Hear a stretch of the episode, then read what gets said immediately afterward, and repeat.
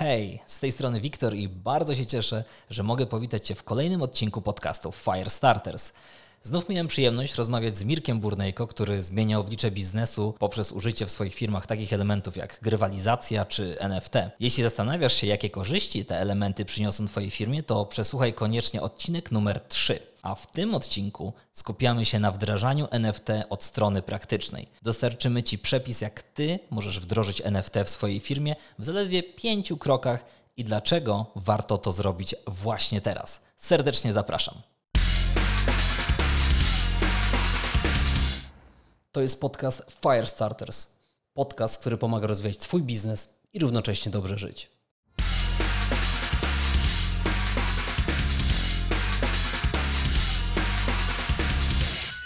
Cześć Mirku. Cześć, cześć, cześć Wiktor, witam serdecznie. Cześć, cześć. Ja jestem super podekscytowany, bo dzisiaj stworzymy coś, czego chyba jeszcze nie było, U. bo stworzymy prosty przepis, albo może nie do końca będzie prosty, taką instrukcję, jak wdrożyć NFT do swojego biznesu. Tak. Y, Ale zanim jeszcze do tego przejdziemy, to może po kolei, bo pewnie wiele osób może wciąż nie wiedzieć i nie zaszkodzi, jak powtórzymy. Co to jest NFT? Krótko.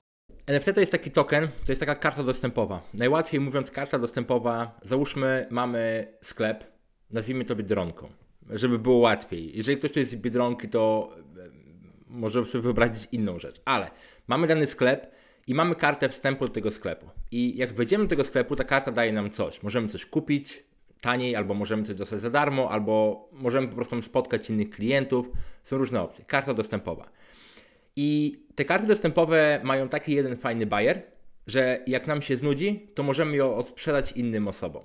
Czyli załóżmy, wchodzę do sklepu, kupuję coś y, po lepszych cenach, potem dobra, ja już w tym sklepie nie chcę kupować, więc mogę tą kartę dostępową sprzedać komuś innemu. I takie coś jest dostępne w świecie cyfrowym, gdzie możemy, załóżmy, kupić jakiś produkt cyfrowy albo dostęp do społeczności. Do tej pory, jak kupowaliśmy produkt cyfrowy, to go mieliśmy. Albo na miesiąc, albo na rok, albo na stałe. A tu się troszeczkę zmieniło z NFT, czyli NFT jest taką kartą dostępową, która daje nam pewne dostępy, którą my jako użytkownik możemy później komuś sprzedać. Daje nam pewną własność w świecie cyfrowym.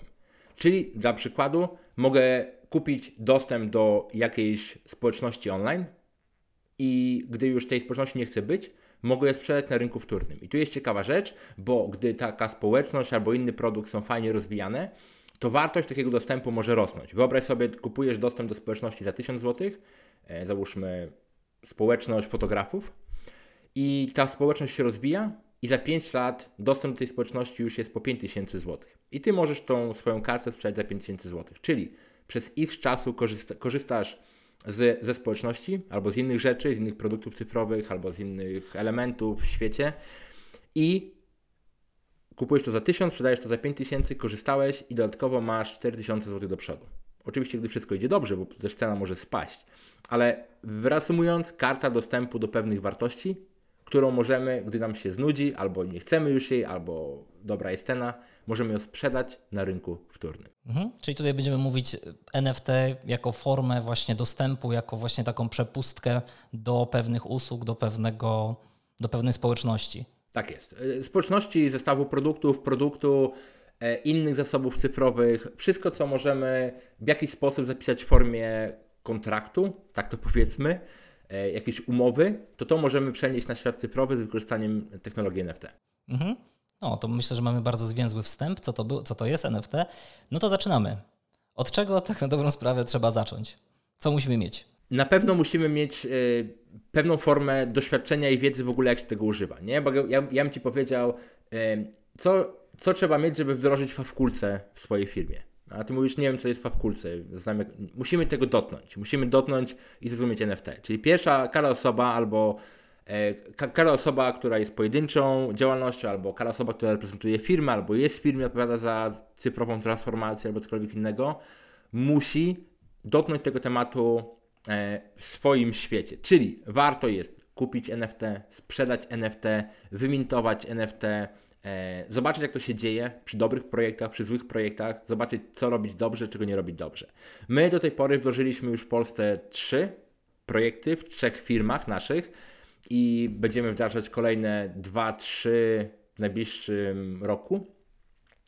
I to dzieje się tylko dlatego, że miałem przyjemność dołączyć do dziesiątek, a może nawet 100 plus różnego rodzaju projektów, kupując, sprzedając, patrząc jak to się dzieje. Niektóre trzymam do dziś dostępy do, do, do pewnych miejsc i wtedy, gdy to robimy, w naszej głowie się układa, jak to powinno być wdrożone w naszym biznesie. Więc krok numer jeden, poświęcić czas, poświęcić parę złotych i potestować, dołączyć do różnych projektów NFT. Obecnie, gdy to nagrywamy, nie było nigdy tańszej ceny, bo wszystko poleciało w dół, e, zdarza się takie coś. E, I teraz jest dobry czas, żeby podłączać dobrych projektów w dobrej cenie, potestować, popatrzeć, odejść do społeczności, dojść do społeczności, dojść do produktu, kupić produkt, sprzedać produkt i w ten sposób poznać, jak to się dzieje. Krok numer jeden. A w jakiej branży najłatwiej by było to wdrożyć? Wszystkie branże, które mają jakąś formę społeczności, a społeczność możemy zbudować praktycznie w każdej firmie, gdzie mamy jakąś grupę odbiorczą. Czyli mamy naszych top klientów, super miejsce, gdzie możemy wdrożyć NFT. Czyli możemy zbudować jakąś społeczność naszych super klientów, albo możemy zbudować społeczność klientów, którzy płacą nam X, albo społeczność klientów, którzy byli jako pierwsi. Możemy też oczywiście, jeżeli mamy biznes oparty o społeczność, czyli bierzemy pieniądze za to, żeby ludzie się łączyli w jednym miejscu. Mamy przykład, nie wiem, dyrektorów IT, mamy programistów, mamy malarzy i tak dalej. Społeczność, biznes oparty o społeczność. Rzecz kolejna to są oczywiście produkty cyfrowe, czyli mamy jakąś formę produktów cyfrowych i możemy mieć e, formę, pewną, pewną część produktów z opcją NFT, na przykład dla klientów, którzy mają 2, 3, 5, 10 naszych produktów. Więc opcji jest wiele. Na pewno bym nie szedł w takie bardzo eksperymentalne rzeczy na początku, czyli załóżmy, nie wiem, będziemy sprzedawać samoloty z NFT. No, no nie, nie. Samoloty lepiej sprzedawać za złotówki jeszcze albo za dolary, za cokolwiek innego. Zacząć z mniejszymi tematami, czyli załóżmy, jak nawet mamy linię lotniczą, to lepiej to wdrożyć, załóżmy, dla części naszych klientów VIP, taki super dostęp, z dostępem do jakichś super saloników i tak dalej, i dopiero na bazie tego później budować. Mhm. Czy to mogłoby być, w jakiej branży na przykład to by było trudno wdrożyć? Bez, rozumiem, tam gdzie nie ma społeczności. Nie tylko to, wiesz, tam gdzie są jeszcze jakieś różnego rodzaju dziwne inne regulacje i powiązania ze światem fizycznym. Dla przykładu, jeżeli sprzedajemy drewno, mamy lasy i sprzedajemy drewno, to ilość powiązań, które byśmy musieli zrobić na zasadzie umów, e, notariuszy, lasów państwowych i tak jest strasznie duża. I moim zdaniem nie jest warta świeczki na tym etapie przy obecnych narzędziach i przy obecnym zrozumieniu rynku, bo ten rynek jest bardzo wczesnej fazie. Więc bardziej chcemy iść tam, gdzie mamy użytkowników, jak ja to nazywam, tech savvy, czyli ludzi, którzy trochę się interesują technologią, lubią rzeczy nowe, nie są na nie, na wszystko co nowe, tam. A praktycznie w każdej firmie można znaleźć taką grupę e, ludzi, którzy są właśnie w tej kategorii. Mhm, właśnie to, co powiedziałeś, że ci ludzie muszą być troszeczkę obeznani z tą technologią, nie? tech savvy, żeby też te, na tym, w tym momencie pewne elementy ich nie przytłoczyły, jak na przykład portfele, krypto, bo to, to wszystko w, tym, przez to będzie powiązane. Jaki masz na to sposób, żeby też ułatwić klientowi, albo nawet dotarcie do tych klientów? A czy wiesz, tutaj, tutaj dochodzimy do ważnej rzeczy teraz, czyli każda firma, która myśli o tym, żeby w siebie NFT, musi, i to jest nie może, ale musi, wziąć na swoje barki odpowiedzialność za edukację swoich odbiorców. Czyli jeżeli nasi odbiorcy nie rozumieją tych tematów, a my chcemy w te tematy ludzi wdrożyć, to musimy wziąć za to odpowiedzialność. Musimy edukować, musimy informować, musimy czasami ostrzegać, bo też pamiętajmy, jak kupujemy produkt online, mm, dowolny, weźmy e-booka, najprostsza rzecz, to my kupujemy produkt, jest transakcja z przelewu złotówek czy dolarów na konto drugiej firmy i mamy e-booka. Tu stajemy się właścicielem, tak jakby części grupy produktowej, gdy kupujemy to w formie NFT. To znaczy, że nasz NFT dostępowy może mieć większą wartość niż przy momencie zakupu, albo w ogóle ma jakąś wartość. Czyli tak jak kupowaliśmy e-booka, e-book jest kopią innego e-booka i w sumie jest powieleniem, nie ma żadnej wartości e, fizycznej, takiej na zasadzie, że, znaczy materialnej, że możemy coś do niego przypisać i dalej tego e-booka sprzedać. Plus nie mamy do tego możliwości. W świecie NFT, gdy kupujemy coś w formie cyfrowej, mamy też stety niestety pewien zasób, który potem możemy dalej sprzedać. Tym samym e, stajemy się nagle na celowniku czegoś, czego nie było do tej pory w świecie cyfrowym za bardzo, czyli złodziei. I złodzieje też mogą nam ukraść NFT. Więc rolą osoby albo firmy, która to wdraża, jest też edukacja ludzi, aby nie robili złych rzeczy, aby robili tylko dobre rzeczy, aby trzymali swoje NFT w dobrym miejscu, bezpiecznym miejscu, aby jak sprzedają albo kupują, robili to dobrze, poprawnie i wyszli na całej operacji z dużym sukcesem. Nie? Czyli ta edukacja jest ekstremalnie, ekstremalnie ważna. I to może być powiedzmy też wada dla tych firm, które chcą wejść w NFT, bo dobrze by było, wiadomo, to troszeczkę zwiększa im też próg wejścia, bo muszą edukować tych klientów, a dobrze jakby klient już był wyedukowany i, i nie spadało to na ich barki. Tak, ale widzisz, Wiktor, to tak jak ze wszystkim, nie? Bo za chwileczkę pewnie przejdziemy do jakiegoś planu działania, natomiast istotne jest to, że pamiętajmy, z każdą technologią do tej pory, jak było, na początku technologia jest ciężko używalna przez normalnego użytkownika. Przypomnijmy sobie podcasty w roku 2012. Żeby to zrobić, było trzeba być naprawdę zdolnym technicznie, było trzeba zakładać konto w Apple przez pół dnia i czekać na potwierdzenia. Dzisiaj pobierasz, po, pobierasz, logujesz się na aplikację Anchor online i masz cały podcast dystrybuowany na wszystkie platformy. Im dalej w las, tym przedsiębiorcy rozwiązują problem dostępu i innych elementów. Ale im dalej w las będzie łatwiej zacząć, ale będzie trudniej osiągnąć spektakularne rezultaty. Teraz jest trudniej zacząć, ale jest łatwiej osiągnąć spektakularne rezultaty. Czyli te firmy, które teraz zaczną, to po prostu troszeczkę odwlekają bardziej swój, powiedzmy, sukces potencjalny. Tak, ale też ryzykują, bo jak każda technologia, e, nie wszystkie technologie muszą świetnie się przyjąć na rynku. Na razie jest, z mojej wiedzy i obserwacji, jest bardzo dobrze i masa ludzi pracuje na tym, żeby było łatwiej i będzie łatwiej, ale wiesz, w świecie jest różnie. Nawet, wiadomo, niektórzy wróżą, że internet może kiedyś paść i może nie używajmy internetu. No nie, no widzisz, zawsze każda firma, każda osoba zarządzająca ryzykiem musi postanowić sobie, dobra, jest warto obchodzić albo nie, poczekajmy jeszcze 5 lat, aż yy, stworzyć NFT w mojej firmie będę mógł zrobić z mojego telefonu, nie? Więc yy, kwestia ryzyka. OK, czyli wracamy, wróćmy sobie do naszego e, przepisu. E, jakie jeszcze zasoby, oprócz najlepiej społeczności, co, co byłoby dużym atutem, musi posiadać firma, żeby wdrożyć to NFT? Po pierwsze, musi mieć plan, ale do planu to musimy za chwileczkę dojść. To, co musi też mieć, musi mieć dostęp do jakiegoś inżyniera, którego można wynająć na projekt, na godziny, takiego inżyniera zatrudnić na stałe, który po prostu nam pomoże wdrożyć daną technologię w naszej firmie. Bo to nie jest tylko na zasadzie, wiesz, wdrożanie, e, że masz obrazek i tak dalej. Nie, nie, my nie rozmawiamy o tej kwestii. My mówimy na, o, ty, o tym, że NFT jest w jakiś sposób zintegrowane z aplikacjami i usługami w naszej firmie. I tak jak się pojawiają coraz więcej portali, gdzie można się zalogować NFT, coś odebrać NFT, to jeżeli na przykład mamy w naszej firmie jakieś aplikacje, usługi i tak dalej, albo jakiś mamy system księgowy, whatever, to warto jest, żeby cokolwiek pointegrować. Nie? Tak jak my teraz budujemy taką platformę, gdzie będzie integracja z aplikacją Kajabi, gdzie będzie integracja z systemem mailingowym, to musi być wdrożone przez inżynierów. U nas w tej chwili dwóch inżynierów pracuje przy tym projekcie, więc potrzebujemy jakiegoś inżyniera. Plus potrzebujemy oczywiście kogoś od prawa, kto zaadaptuje aktualne prawo do tego, co my chcemy wdrożyć. Bo musimy w takim przypadku podejść do tego, co się dzieje, gdy klient kupuje, co się dzieje, gdy klient sprzedaje, do czego klient ma własność, do czego nie ma własności. Mamy coraz więcej prawników, którzy tylko się tym zajmują w Polsce również, więc takich ludzi można sobie wynająć i wdrożyć. To są takie główne rzeczy. Inżynier i kwestie prawne, które musimy zadresować. Mhm. I co teraz? Mamy już prawnika, inżyniera, co teraz? Wymyślamy grafikę, czy nie, nie, nie. wybieramy blockchain? Nie, nie, nie. To jest. A jeszcze, jeszcze plan. To jest mało istotne. Potrzebujemy jakiś plan działania, hmm. nie? Bo teraz przy NFT mamy troszeczkę inną ekonomię. W normalnym świecie, gdy kupujemy, weźmy sobie tego e-booka, nie? Przyczepić tego e-booka. Mamy takiego e-booka, sprzedajemy go, bierzemy za niego 50 zł, transakcja została wykonana. W świecie NFT mamy troszeczkę inny sposób działania. To znaczy, mamy pewną e, ograniczoną podaż i teraz my, załóżmy, mamy tysiące booków w naszej firmie. Nie? I mówimy tak, że słuchajcie, naszym klientom możemy te e-booki oddać za darmo. Tysiące booków oddać za darmo. Super biznes. Mirku, co ty gadasz głupoty. Ale tak, można oddać za darmo, albo można je też sprzedać. I teraz w NFT my zarabiamy tak w sposób etyczny, bo są też osoby nieetyczne, mówimy tylko o etycznych, wtedy, gdy nasi użytkownicy handlują danym NFT. Czyli użytkownik jeden przeczytał e-booka i mówi, kurczę, wszystko wdrożyłem, super, no to już więcej nie wyciągnę, to idę go sprzedam na rynku wtórnym. Albo dla kolegi, albo dla obcej osoby, whatever. Nie? Ta osoba sprzedaje załóżmy za 1000 zł, bo ty, tak poszła cena w górę, tak został rynek, ustalił to.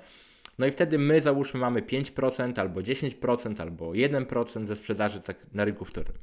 Więc my zarabiamy wtedy, gdy jest obrót na rynku wtórnym, więc chcemy, żeby nasze produkty po pierwsze miały dobrą wartość i na rynku ludzie mieli jakąś chęć, potrzebę handlowania tego. Dlatego też istotne jest to, że dla osób, które zaczynają i firm, które zaczynają, nie myślimy o tym, żeby wdrażać NFT wszędzie. Wybieramy dosłownie małą część swojego biznesu, jeden produkt, jedną społeczność, kawałek społeczności, kawałek biznesu i tam implementujemy, żeby nasz główny model biznesowy dalej działał, żeby złotówki znajdowały się na koncie, żeby płacić podatki, żeby płacić pracownikom. Ale możemy testować sobie ten mały element z boku tego, tej nowej ekonomii i zobaczyć, czy ta nowa ekonomia ma, ma szansę na zadziałać. Bo to, że ta ekonomia działa u mnie, niekoniecznie zadziała u innych osób. Ale też jest drugi element, a nawet za chwileczkę trzeci. Drugi element jest taki, że my sprzedając NFT możemy za samo sprzedaż brać pieniądze. Czyli możemy, załóżmy, tak jak sprzedawaliśmy e-booka za 50 zł, to możemy tego e-booka sprzedawać za 100 zł, plus damy NFT jako gratis, że gdy Ci się nie spodoba, albo, albo spodoba, nie spodoba, znudzi Ci się, przejdziesz go, wdrożysz, whatever, możesz sprzedać go na rynku wtórnym. Czyli możemy tak naprawdę mieć nawet większe przychody ze sprzedaży, bo dodajemy element drugi, hej, gdy już Ci się znudzi, możesz go sprzedać. I teraz pojawia się pytanie oczywiście, po co to robić, skoro możemy sprzedawać więcej. Możemy, powinniśmy dalej sprzedawać więcej, ale NFT daje ten element, że te tysiąc osób, które załóżmy, e, które załóżmy mają te, te nasze e-booki, również mają jakoś korzyść wymierną, niewymierną, żeby to sprzedać dalej. I po prostu też troszeczkę się dają nam więcej marketingu, e, który pozwala nam, że nasze produkty docierają do większej ilości osób. Więc reasumując, wdrażamy i myślimy o tej ekonomii, że mamy tak naprawdę przychód troszeczkę później i tak w ogóle rekomenduję myśleć, że mamy przychód później, gdy ludzie handlują na rynku wtórnym, a nie mamy biznesu, znaczy nie mamy dużego przychodu od razu. I to wtedy nam pozwala troszeczkę inaczej myśleć o ekonomii i tą ekonomię ewentualnie, czy ją wdrażamy, czy nie, na to pytanie musimy sobie sami odpowiedzieć w swojej firmie. A zanim przejdziemy dalej, jak dalej rozwijać to wszystko, to zrobimy małą przerwę na krótką wiadomość od naszych sponsorów. Wyobraź sobie, że wysyłasz maila do Ilona Maska. Pięć prostych zdań, a 12 minut później Ilon odpisuje: Ciekawe, wskoczmy na telefon. I to właśnie może się stać, gdy nauczysz się pisania, które sprzedaje. Po to też powstała szkoła pisania, które sprzedaje. Sprawdź szczegóły na stronie akademia.pl łamane na pisanie. Dodatkowo wywalczyliśmy coś ekstra dla naszych odbiorców. Dla Ciebie, tak właśnie dla Ciebie.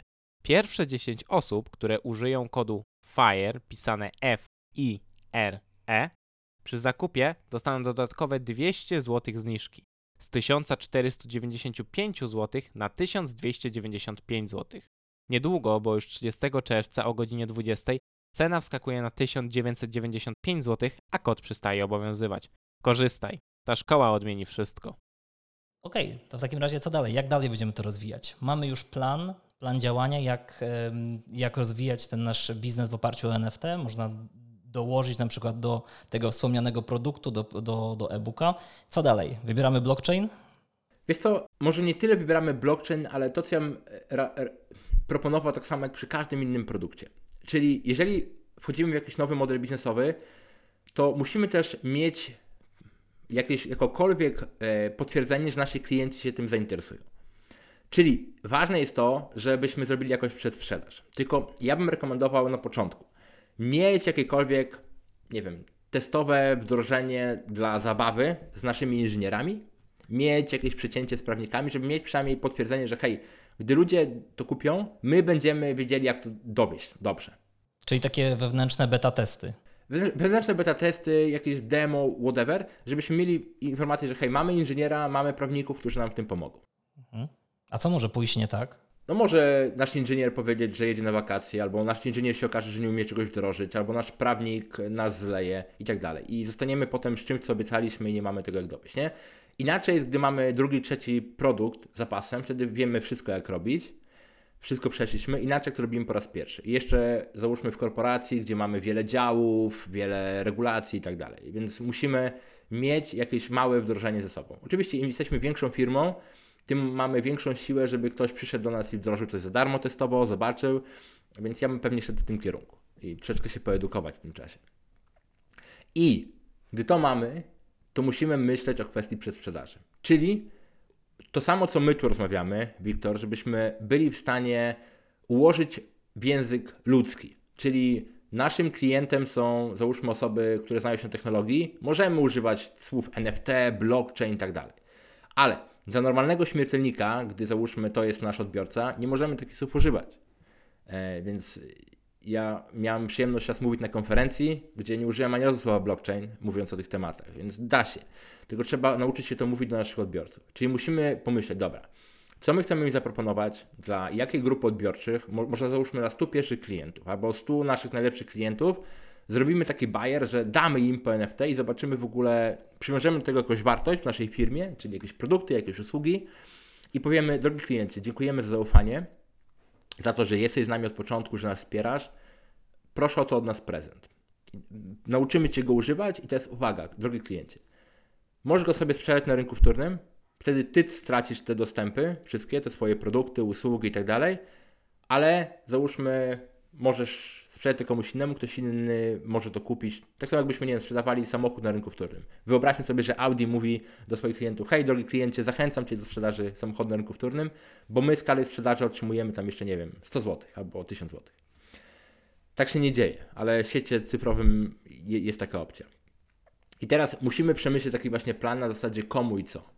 Bo nie rekomenduję żeby robić olbrzymie sprzedaże w pierwszej kolejności i nie, lubię, nie rekomenduję, żeby w ogóle robić sprzedaże w pierwszej kolejności. Rekomenduję, żeby w pierwszej, w pierwszej rundzie, powiedzmy, nasze pierwsze testowe NFT w naszej firmie, zrobić to, że dajemy NFT naszym najlepszym klientom. Taki na zasadzie taką kartę wejścia do czegoś z przypiesaniem do produktów, nawet produktów, które ta osoba ma e, albo po prostu z jakąś małą płatą symboliczną za najlepszych klientów 100, 200, 500, 10, whatever. Znaczy 10 trochę za mało, ale 100, 200, 500 i wtedy tym klientom dajemy i to i przywiązujemy do tego pewną wartość i to jest nasz pierwszy test, który będziemy robić już produkcyjnie w naszej firmie.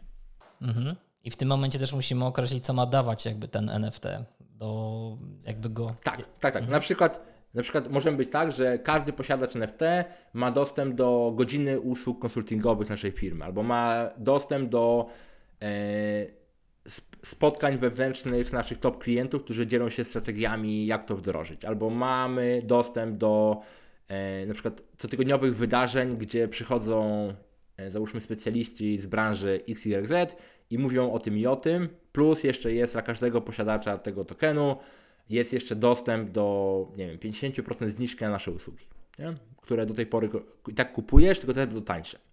Okay. I kiedy wychodzimy z tym szerzej? Jakby tu mamy na razie tych naszych, powiedzmy, pierwszych zaufanych 100 klientów. Kiedy wychodzimy z tym szerzej? Nie wychodzimy szerzej, wiesz, y, bo to, co ja rekomenduję i tak jak my działamy.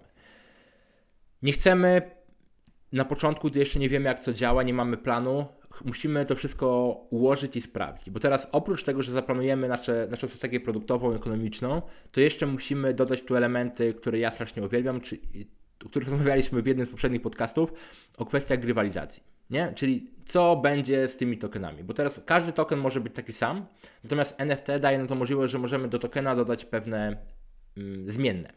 Czyli każdy token może mieć inną grafikę, może mieć taką samą grafikę, może mieć jakieś parametry na zasadzie 1, 2, 3, 4, 5 i każdy z tych parametrów coś zmienia, daje pewne elementy, y, daje pewne możliwości. Dla przykładu, każda osoba, która zbierze 5 naszych NFT, otrzymuje dożywotnie produkty za darmo.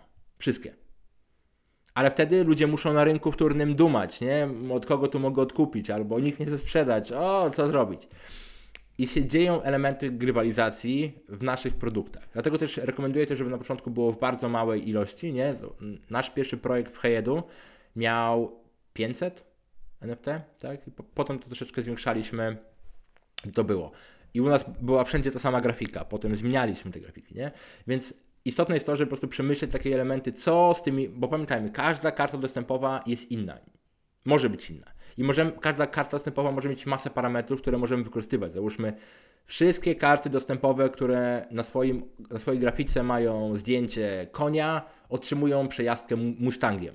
I teraz, o, chcę Mustangiem, więc poszukam karty na rynku wtórnym, która ma Mustanga, żeby się przejechać. I ludzie sobie myślą, czy mi się to opłaca, czy nie opłaca.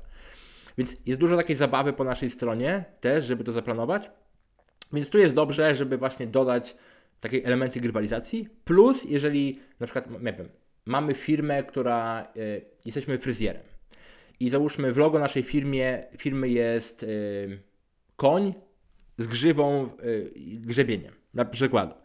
To możemy pomyśleć, dobra, to może zróbmy tak, że ta każda karta dostępowa będzie miała innego konia z inną grzywą, innym grzebieniem. I te elementy będą miały jakiś element brandingowy. Albo zróbmy na, każdym, na każdej karcie dostępowej inny grzebień, albo zróbmy na połowie inne grzebienie, na połowie inne grzebienie. I wtedy po prostu grajmy tym, wykorzystujmy to, że nasi klienci mają innego rodzaju usługi, jak mają załóżmy różne karty dostępowe, albo mają wiele tych samych kart dostępowych. Musimy po prostu usiąść na kartce i po prostu to rozrysować, jak byśmy chcieli to wdrożyć, wiesz, idealnie, idealnie taką myśl podejmować po tym, gdy zrobiliśmy krok pierwszy, czyli pobadaliśmy rynek, popatrzyliśmy, jak inne projekty, inne firmy to wdrażają. Te karty na przykład z większą ilością atrybutów, tak jest na przykład też w Twoim Firestarters czy Cool Guys, y, mają jakby większe pole do manewru, do, do, tej, do mm, angażowania mm, użytkowników w grywalizację.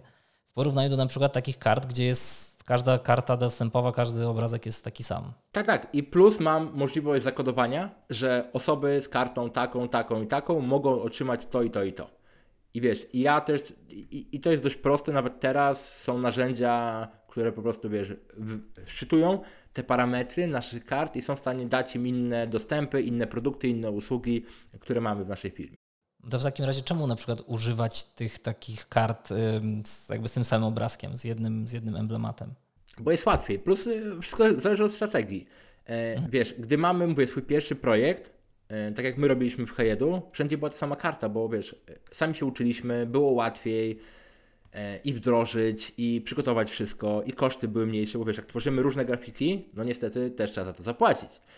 Jeżeli robimy je z dobrymi grafikami, z dobrym studio graficznym, to też musimy zapłacić jeszcze więcej. Więc wiesz, jak mamy, mamy trudniej jest nam się pomylić i mamy mniejsze koszty, ale gdy robimy kolejne, warto rozważyć, żeby ta każda karta e, była w jakikolwiek sposób troszeczkę inna. I w tym momencie jakby nie zamyka Wam to trochę dalszych opcji, jeżeli już w, zostały wprowadzone na przykład w HeyEdu te karty z tym samym obrazkiem, czy to nie zamyka dalszych opcji do grywalizacji? Nie, bo z czasem jest zawsze opcja, że możemy, załóżmy tym użytkownikom, którzy mają tę kartę, bo to wszystko wiesz, jest publiczne, yy, wszyscy widzą, co tam się dzieje, to jest plus i minus zarówno tego wszystkiego. Możemy powiedzieć, że hej, wszystkie osoby, które posiadają dane, daną kartę dostępową, to teraz dajemy Wam jeszcze po innej karcie, która ma w sumie to samo, ale każda się troszeczkę różni, nie? A stare będziemy, załóżmy, wycofywać z obiegu. Więc mamy wiele opcji, jak to możemy zrobić, natomiast dobry inżynier potrafi taką operację zrobić bardzo, bardzo szybko, bez dużych kosztów, że wyśle każdej osobie dodatkową kartę dostępową, która będzie załóżmy miała inną grafikę albo inne możliwości. I w momencie, jak już mamy to wszystko przetestowane, bo w sumie na tym etapie jesteśmy, we, w, przetestowane wewnątrz i u tych pierwszych klientów, to, to już i tak musimy mieć, mieć, mieć tą grafikę. Tak, te grafiki już trzeba zrobić trochę wcześniej. Tak, znaczy musimy, grafiki muszą być wtedy, gdy robimy tak zwaną operację mintu. Mint to takie pojęcie e, z Mennic, że po raz pierwszy tworzymy daną monetę. Mint. I teraz my y, dajemy naszym użytkownikom opcję, że hej, stwórz swoje własne NFT. Tak? Czyli musisz zalogować na pewien portal, musisz tam połączyć swoim portfelem, dlatego jest potrzebna edukacja, żeby wszystko wyjaśnić, jak to się robi. I wtedy robisz proces mintu i w Twoim portfelu znajduje się Twój NFT dostępowy. Nie? Więc dopiero wtedy tak naprawdę się pojawia grafika, a nawet możemy tę grafikę upublicznić nawet później. Więc bardziej istotne jest to, żeby krok wcześniej sprawdzić wszystko, czy, czy jak działa, yy, ułożyć kwestie prawne, ułożyć kwestie strony, na to będziemy robić, ułożyć kwestie konfiguracji, to razem z, in, z inżynierem na portalu OpenSea. To jest taki olbrzymi portal, gdzie można sprzedać albo kupić swój NFT. Zadbać o kwestie edukacji naszych użytkowników, e, którzy będą to robili i zacząć po prostu to małymi kroczkami wdrażać. Teraz wrócimy jeszcze do pewnego tematu, który poruszyłeś wcześniej, czyli na zasadzie, a czemu tego nie robić jeszcze mocno publicznie? Bo gdy mamy za duże zainteresowanie tym tematem na początku i my nie umiemy tego dobrze robić, to będziemy mieli wiele miejsc do popełniania błędów. Ale co my zauważyliśmy, gdy zaczynamy robić te projekty i nawet delikatnie wspomnimy o nich publicznie, to i tak ludzie się interesują. To jest coś nowego, coś ciekawego i są ludzie, którzy ten świat NFT rozumieją i są osoby praktycznie w każdej grupie odbiorczej, które coś tam używają i zobaczą nagle, o, ta firma coś takiego wdraża, coś tam usłyszałem, to się, wiesz, nawet robimy takie to bardziej tajne i bardziej nieznane dla świata i dopiero jak wiesz, pierwsi ludzie zaczną dołączać, pierwsi ludzie z zewnątrz, załóżmy kupią od kogoś dostęp, to wtedy możemy myśleć o strategii publicznej. Natomiast na początku proponuję, żeby to zrobić to prywatnie, u swoich klientów, nie myśląc o tym, że na tym dużo zarobimy. Myśleć bardziej o tym, żeby zobaczyć jak ten model ekonomiczny, model zaangażowania klientów, bo angażowanie klientów przy NFT rośnie razy 10. Nie wiem, czy to jest dobra liczba, nie mierzyłem, natomiast widzę, co się dzieje u nas, gdy mamy te tematy. Więc ludzie się bardziej angażują, ta kwestia brandingu wchodzi, ta kwestia, że to jest ownership, ta kwestia, że hej, mogę to sprzedać e, i też mamy dużo fajnych historii, nie, a propos tego, więc e, jest to fajna rzecz i też fajna kwestia selekcji klientów, o czym możemy ewentualnie później porozmawiać. E, I najpierw róbmy to prywatnie, potem róbmy to publicznie. A ile kosztuje takie wprowadzenie tego NFT do, do biznesu? To zależy, wiesz, bo tak jak liczyliśmy ostatnio, jakbyśmy szli po najtańszej wersji, czyli używamy, nie używamy inżyniera, używamy portalu do wdrażania NFT, których jest coraz więcej. Nie, nie tworzymy własnego regulaminu, a kopiujemy od kogoś regulamin. To możemy się, nie używamy grafików, wszystko robimy w kanwie. To możemy tak naprawdę się zapiąć, nie wiem, 2-3 tysiące złotych całym projektem, wdrożenie dzisiaj, ale wiesz, nie będzie tam dużo integracji i innych rzeczy. Gdy chcemy to zrobić dobrze, to musimy pewnie liczyć kwotę około 30 tysięcy złotych, ale to mówimy tak na zasadzie, gdy mamy już firmę, mamy już działające modele biznesowe i chcemy to zrobić naprawdę dobrze, ze wszystkimi etycznymi, prawdziwymi, dobrymi rzeczami, wtedy te 30 tysięcy to jest taka kwota, która może nam ten projekt wdrożyć. Oczywiście im więcej integracji, załóżmy chcemy to integrować z systemami i tak dalej, potrzebujemy wtedy inżynierów, integratorów, tak potem może rosnąć. Więc trzeba to warto przemyśleć na początku, jak mówię, delikatnie, potem mocniej. E, I te ceny spadają z każdym praktycznie miesiącem i te narzędzia i sposoby wdrażania i tak dalej idą w dół, idą w dół, idą w dół. Mhm. I jak dobrnęliśmy do tego momentu, czyli na dobrą sprawę już mamy wszystko przetestowane, pierwsi, pierwsi, pierwsze 100 osób testuje, e, już nawet są sprzedaże na rynku zewnętrznym, co teraz? Wtedy musimy wyciągać wnioski, słuchać dalej klientów, czy to jest fajne, czy to nie jest fajne. I jeżeli faktycznie jest zainteresowanie, bo tego nikt nie wie. Gdy wdrażamy coś w swojej firmie po raz pierwszy, mamy dużo niewiadomych, to jest ryzyko. Natomiast jeżeli faktycznie to działa, to możemy wtedy powiedzieć, dobra, to nam zadziałało, tu mamy takie produkty, tu mamy takie usługi, więc może do tych produktów, które sprzedajemy tutaj, dodajmy teraz, nie wiem, mamy, załóżmy jakiś inny produkt, cyfrowy albo nawet nie cyfrowy, dodajmy tam nasze NFT i zróbmy teraz, nie wiem, kolekcję 10 tysięcy NFT dla naszych klientów, albo 20 tysięcy, albo 5 Zróbmy troszeczkę zaawansowaną bardziej grywalizację. E, pomyślmy o tym, żeby wziąć partnerów, pomyślmy o tym, żeby publicznie mieć e, gruby start, żeby troszeczkę więcej to ogłosić. Więc wiesz, małymi kroczkami ja myślę, że zanim w ogóle, wiesz, jak jesteśmy w tym miejscu, gdzie my jesteśmy teraz, czyli myślimy o tym, jak zacząć, myślenie o tym, co robić, gdy skończymy, jest jeszcze za wczesne. Więc dużo będzie nauki, dużo będzie zdobywania informacji o tym, co działa, co nie działa u nas. E, więc tak, to tak tyle w skrócie. Okej, okay, myślę, że moglibyśmy to sobie ładnie spiąć klamrą. E, z moich notatek wynika, że tak, że pierwszy, pierwszy element to ułożenie planu. Zgadzasz się? Połóżmy przed tym e, punkt zerowy, czyli musimy troszeczkę się pobawić. Mhm. Czyli załóżmy wziąć budżet od swojej firmy albo od siebie, nie wiem, powiedzmy 1000, 2000, 5000 złotych, zamienić to na jakieś e, Ether albo na Solanę, whatever, gdzie, gdzie, chcemy testować, bo pamiętajmy, że świat krypto na dzień dzisiejszy, bo znaczy świat NFT opiera się głównie o krypto, natomiast moim zdaniem długoterminowo będzie powiązanie bardziej ze światem zwykłej waluty, bo to ułatwi i będzie mniej spadków i wzrostów wynikających z, wiadomo, balansu e, świata krypto. Jak już podepną Apple Pay, to myślę, że będzie bardzo duża integracja wszędzie. Tak, tak, znaczy to postępuje. Nie z każdym miesiącem są nowe integracje i wejście w świat normalnej waluty. E, I wziąć jakiś budżet, potestować sobie, powiedzieć sobie właśnie tydzień, dwa, miesiąc. To na zasadzie to, co mam, prawdopodobnie to wszystko przepadnie, ale jak będziemy się uczyć, to zobaczymy, kurczę, kupiliśmy tutaj dostęp do projektu X, za 1000 zł, a teraz jest warty 8000 zł. I może być, że ta nasza zabawa przyniesie nam korzyści również materialne, nie tylko dostępowe i naukowe. Więc zero testy, jeden plan. Później, y, to już będzie punkt drugi, wdrażamy inżynierów i prawników, żeby to usystematyzować w tej kwestii. Tak, musimy mieć pewność, że mamy wszystkie zasoby, przede wszystkim te inżynierskie, które potrafią wdrożyć na, na dane NFT na sieci Ethereum, y, Solane, Avalanche i tak dalej, że mają wiedzę, doświadczenie w tym, jak to zrobić. My wiemy, jak z nimi się komunikować, my wiemy, że nas nie zostawią i że gdy ruszymy z działaniem, to będziemy mieli na pewno dowieziony produkt. Mhm. Później robimy przedsprzedaż, żeby sprawdzić, czy jest zainteresowanie. Przed sprzedaż albo przed rozdawanie. Czyli, tak jak mówię, mamy naszych super klientów, tak jak my robiliśmy Spy Starters. Mieliśmy naszych tam klientów, którzy nam kilka lat temu zaufali. I to nie jest tak, że oni nam płacą w tamtym miesiącu czy w roku coś płacili. Nie, to byli klienci, którzy nam fajnie pomogli na początku i zaufali nam, kupili nasze produkty prawie wszystkie. Na początku naszej historii, nie? I my im daliśmy.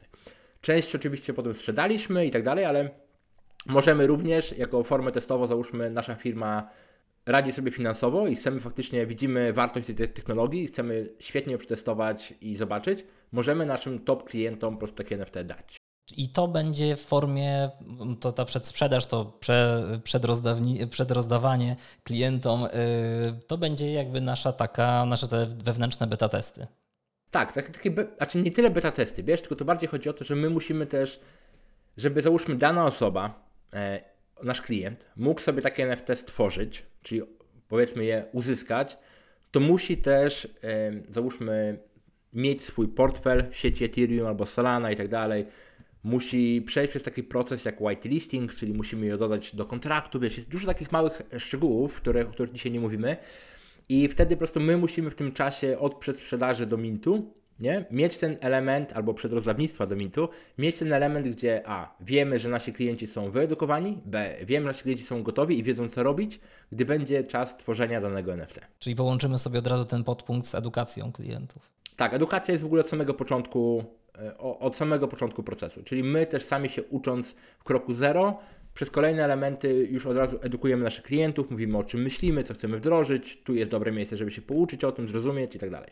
No i to nas prowadzi tak na dobrą sprawę do praktycznie ostatniego punktu z tego, co mam tutaj zapisane. Już po prostu rozwój i wdrażanie większej grywalizacji w obecnym już projekcie. Tak, znaczy no krok przed tym będzie ten jeszcze element mintu, o którym mówiliśmy, czyli to jest stworzenie NFT i to też jest bardzo ciekawy element ilość emocji klientów w tym czasie, nawet jak rozdamy im za darmo i ten NFT nic nie robią, nie? To jest tak olbrzymia, że nagle wiesz, wow, nagle coś tworzę i coś, i, często ma taką grafikę i, i to jest u mnie i wow, mogę w ogóle to oddać komuś albo sprzedać komuś, wiesz, to daje ekstremalnie dużo emocji, których nie spotykaliśmy nigdy przy innych produktach, e, nigdzie. No i później już rozwijamy jeszcze bardziej to, co zbudowaliśmy w tych wszystkich punktach poprzednich. Tak jest. Decydujemy wtedy, w zasadzie, wiesz, bo to ja lubię zawsze myśleć też w firmach w kategorii takich betów, nie? że mamy 80% swojego biznesu stabilny, który działa i nieważne co się dzieje, on sobie będzie powoli rósł. Ale 20% poświęcić na takie eksperymenty, moonshoty i tak dalej. Czyli bierzemy nową technologię, nowy model biznesowy, nowe partnerstwo i tak dalej i mówimy, dobra, zaryzykuję, najwyżej stracę ten czas i pieniądze na ten test i nic się tego nie stanie ale jest szansa, że to nagle przyniesie mi nowy model biznesowy, albo będę liderem rynku we wdrażania, wdrażaniu tych rzeczy, będę na początku, wiesz, krzywej innowacji i to może być bardzo, bardzo opłacalne. Ale też, jak to 20%, możemy, może się nie udać u nas, klienci nie będą zadowoleni, albo nie będą w ogóle zainteresowani, albo my nie mamy odpowiednich zasobów, żeby to dalej kręcić i tak dalej, tak dalej. A co w sytuacji, tak jak teraz, gdy cały rynek krypto leci w dół, no i jeśli oprzemy o nasz biznes o NFT, które jakby jest też ściśle powiązane z tym rynkiem, czy to nie pociągnie nas trochę ze sobą w dół? To zależy od e, grupy odbiorczej, to zależy od naszego zaplanowania. Bo teraz, jeżeli planujemy to tak, że z naszym NFT jest jakaś realna wartość, czyli mamy, bo wiesz, bo to jest 99% projektów NFT jest, ma zero wartości. Ma obrazek i, i ma tyle. Na szczęście to się zmienia, powstają coraz kolejne firmy, które robią to dobrze. Ale jeżeli ty masz, załóżmy, e, konsultacje ze swoim NFT, które sprzedajesz po 5000 zł, prawda? I teraz ta informacja jest dostępna dla Twoich klientów, że te Twoje konsultacje kosztują 5000 zł, cały dzień u klienta, coś robisz, wdrażasz i tak dalej. I to teraz ty, przypisując do swojego NFT te 5000 zł, to gdy nawet krypto będzie leciało, nie wiem, 10 razy w dół, to ludzie zaczną przeliczać, dobra, to słuchaj, kurczę, to ja mogę w sumie, o tutaj cena spadła, ktoś dalej wystawia po tej cenie, to ja kupię, to będę miał tańsze konsultacje. I przy produktach e, rynek weryfikuje. Czyli to, co my widzimy nagle, nawet przymieliśmy to przy Firestarters, tak? Firestarters chodziło po 2, kropka, załóżmy 2 e, Ethereum, nie? 2,2 przecież Ethera. I teraz chodzi po 5 z kawałkiem, bo mamy z tyłu powiązanie do wartości, którą da się przyjrzeć na złotówki i mimo to, że spadło, to rynek zdecydował, że ta cena pójdzie w górę. Więc znowu, jeżeli mamy to dobrze wdrożone, to będzie właśnie tak. Natomiast tutaj jest kolejny problem krypto, który moim zdaniem będzie rozwiązany, że krypto powinno być moim zdaniem przywiązane do, znaczy nie krypto, przepraszam, NFT, powinno być przywiązane do wartości albo stablecoinów, albo innych walut, które nie zmieniają swojej wartości. To by było najłatwiejsze, natomiast jest jak jest, jesteśmy gdzie jesteśmy, z czasem na pewno będą zmiany. My mamy udostępnioną możliwość naszym klientom oferowania i sprzedawania swoich za stablecoiny, czyli USDC, ale nasi klienci z tego nie korzystają, wolą jednak, wiesz, hello, let's go, Ether, ok, trudno. Natomiast rynek to przy wartościowych projektach weryfikuje ta cena jest dostosowana przez rynek do aktualnej wartości. No bo właśnie co się stanie w hipotetycznej sytuacji, jeśli upadnie sieć, w tym wypadku Ethereum, myślę, że to raczej nie grozi, ale no kto wie. To jest to same pytanie na zasadzie, a co się stanie, załóżmy, jak upadnie złotówka. Ja, ja wiem, że to jest głupie troszeczkę, złotówka nie upadnie. To wszystko zależy od etyczności e, właścicieli firmy. Bo ja na przykład, jeżeli by coś się stało, tak, załóżmy, kiedyś i sieć Ethereum upadła, w ogóle NFT upadło, wszystko upadło, ja mam dalej kontakty swoich klientów i ja zadbam, żeby klienci, którzy we mnie e, powiedzmy zainwestowali swoimi pieniędzmi, czyli kupili moje produkty, usługi, oni żeby dalej je mieli. I nawet na innych, wiesz, w, innych modelach. Tak samo właśnie ten przykład, który Ci dałem z moimi klientami, którzy jako pierwsi chyba 2 3 lat temu kupili moje produkty. I ja im dam to. Tak samo, jeżeli klienci, którzy we mnie, załóżmy, kupią moje produkty, moje usługi, nie? czyli zainwestują swoje pieniądze, żeby kupić moje produkty, usługi, to ja, nieważne co się stanie dalej ze złotówką, eterem i tak dalej, ja zadbam o nich, żeby oni zawsze mieli to wszystko, czego potrzebują z mojej firmy.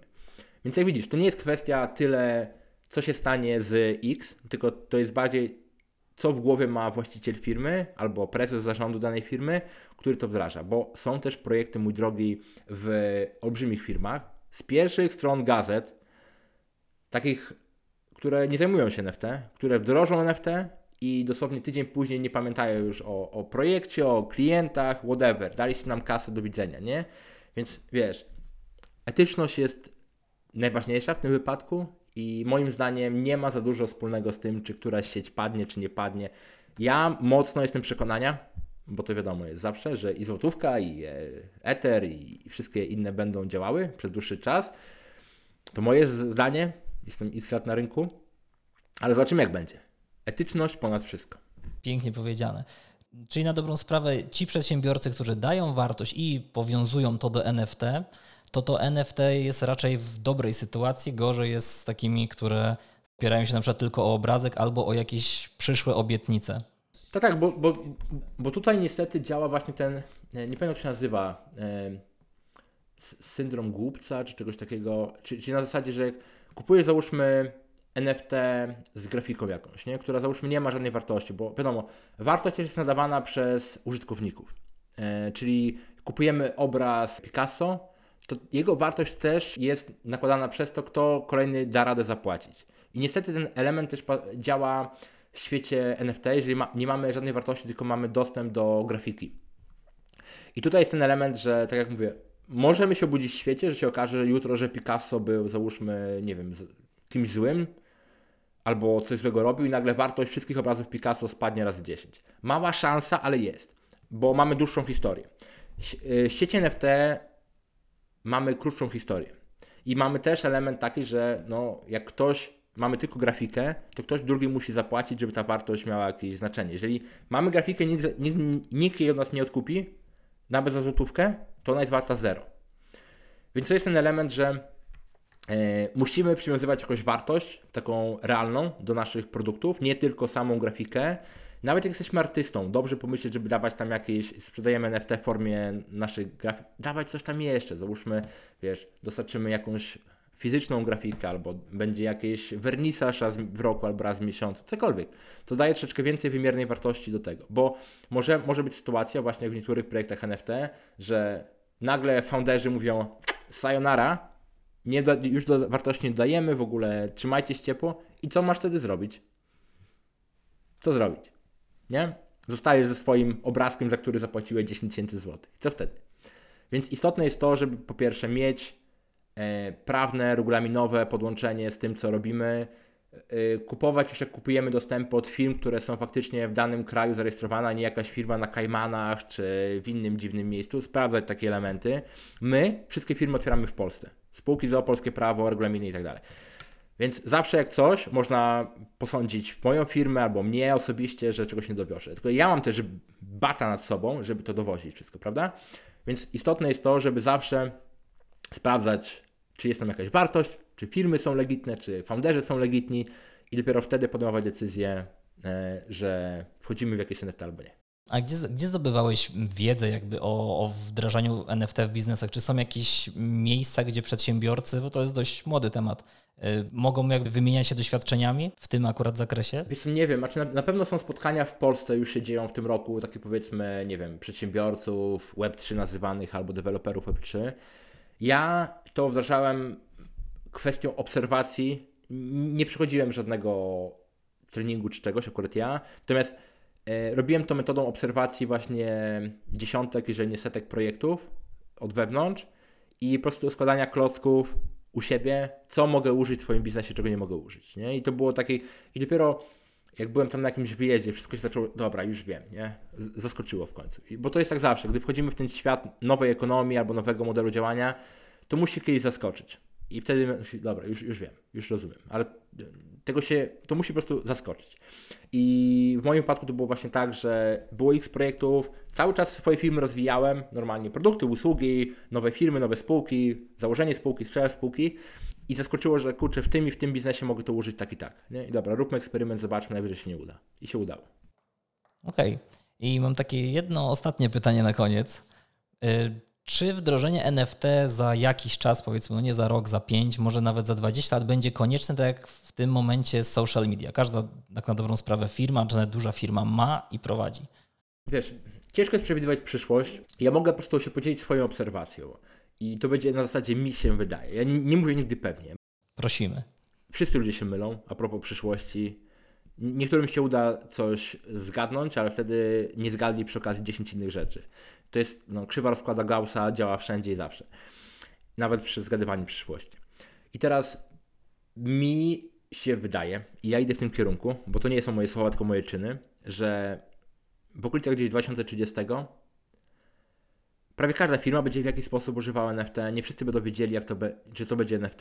Tak samo jak wszystkie firmy używają dzisiaj w jakikolwiek sposób online koszyków płatności a nie do końca wiedzą, co tam jest pod spodem. Dawniej było trzeba wiedzieć wszystko, było trzeba postawić własną bazę danych, zrobić wszystko i tak dalej, nie? Plus pewnie zmieni się nazwa, bo NFT jest takim, nie wiem, karta, wirtualna karta dostępowa może, albo coś innego, zmieni się nazwa, ale będą produkty, firmy, usługi, które będą dawały taką opcję, że na zasadzie, hej, możesz sprzedać swój produkt fizyczny, fi wirtualny i przy okazji, gdy ktoś będzie go sprzedawał za 5 lat na rynku wtórnym, to ty dostaniesz z tego procent. Albo ta karta dostępowa da ci dostęp do tego i tego, sobie wyklikaj. I wtedy po prostu my będziemy z tego używać, nie myśląc o tej technologii. Eee, tak mocno. Niektórzy naszej firmy będą o tym wiedzieć, którzy będą to wdrażać, ale normalny człowiek będzie na zasadzie, ok, dobra, no wchodzą ludzie, kupują na stronie. No tak, ale tam pod spodem jest sklepik e-commerce'owy, jest powiązanie z jakimś systemem płatności, z jakimś systemem księgowym, jest jakieś baza danych itd., tak o czym nikt nie myśli w biznesie, bo po co o tym myśleć? Więc z czasem NFT jest tylko technologią. Tak samo jest jak i każdą inną technologią i daje nam tylko troszeczkę ciekawsze modele działania, które, uwaga, uwaga, Wiktor, tak jak ty możesz zrobić sklep internetowy bez sklepu internetowego, czyli możesz powiedzieć, że hej, wejdź na stronę potem weź w kopertę, wstać 100 zł, wyślij do mnie i ja Ci wyślę produkt, prawda? Tak samo możesz zrobić to, co daje Ci NFT za pomocą regulaminów, maili e, i odpowiedniej ilości ludzi. Tylko ta technologia po prostu trochę ułatwia wdrażanie nowego modelu biznesowego, który moim zdaniem w przyszłości będzie fundamentem tego, jak my wszyscy działamy. Czy jest takim opakowaniem na jakby taki koszyk usług, albo będzie czymś takim. Koszyk usły, usług z pewną ilością przypraw, które dają ciekawe rzeczy. Na przykład, nie wiem, no, każda osoba może zobaczyć, każda, kto jakie NFT kupił, co z nim zrobił, kiedy trzymał, za ile sprzedał. Pewna transparentność, czego do tej pory nie było. Nie da się tego ukryć, nie da się tego zmienić. To już jest. Pięknie powiedziane, Mirku. Ja Ci bardzo dziękuję za rozmowę i mam nadzieję, że do usłyszenia. Dziękuję bardzo. Powodzenia wszystkim. Podejmujcie dobre, mądre decyzje. Nie na szybko, powoli, myśląc. Jeżeli ktoś lubi nowe technologie, warto przynajmniej na chwilę rzucić okiem na ten twitterowy skrót zwany NFT. Dzięki wielkie. Do usłyszenia. Hej. Yo!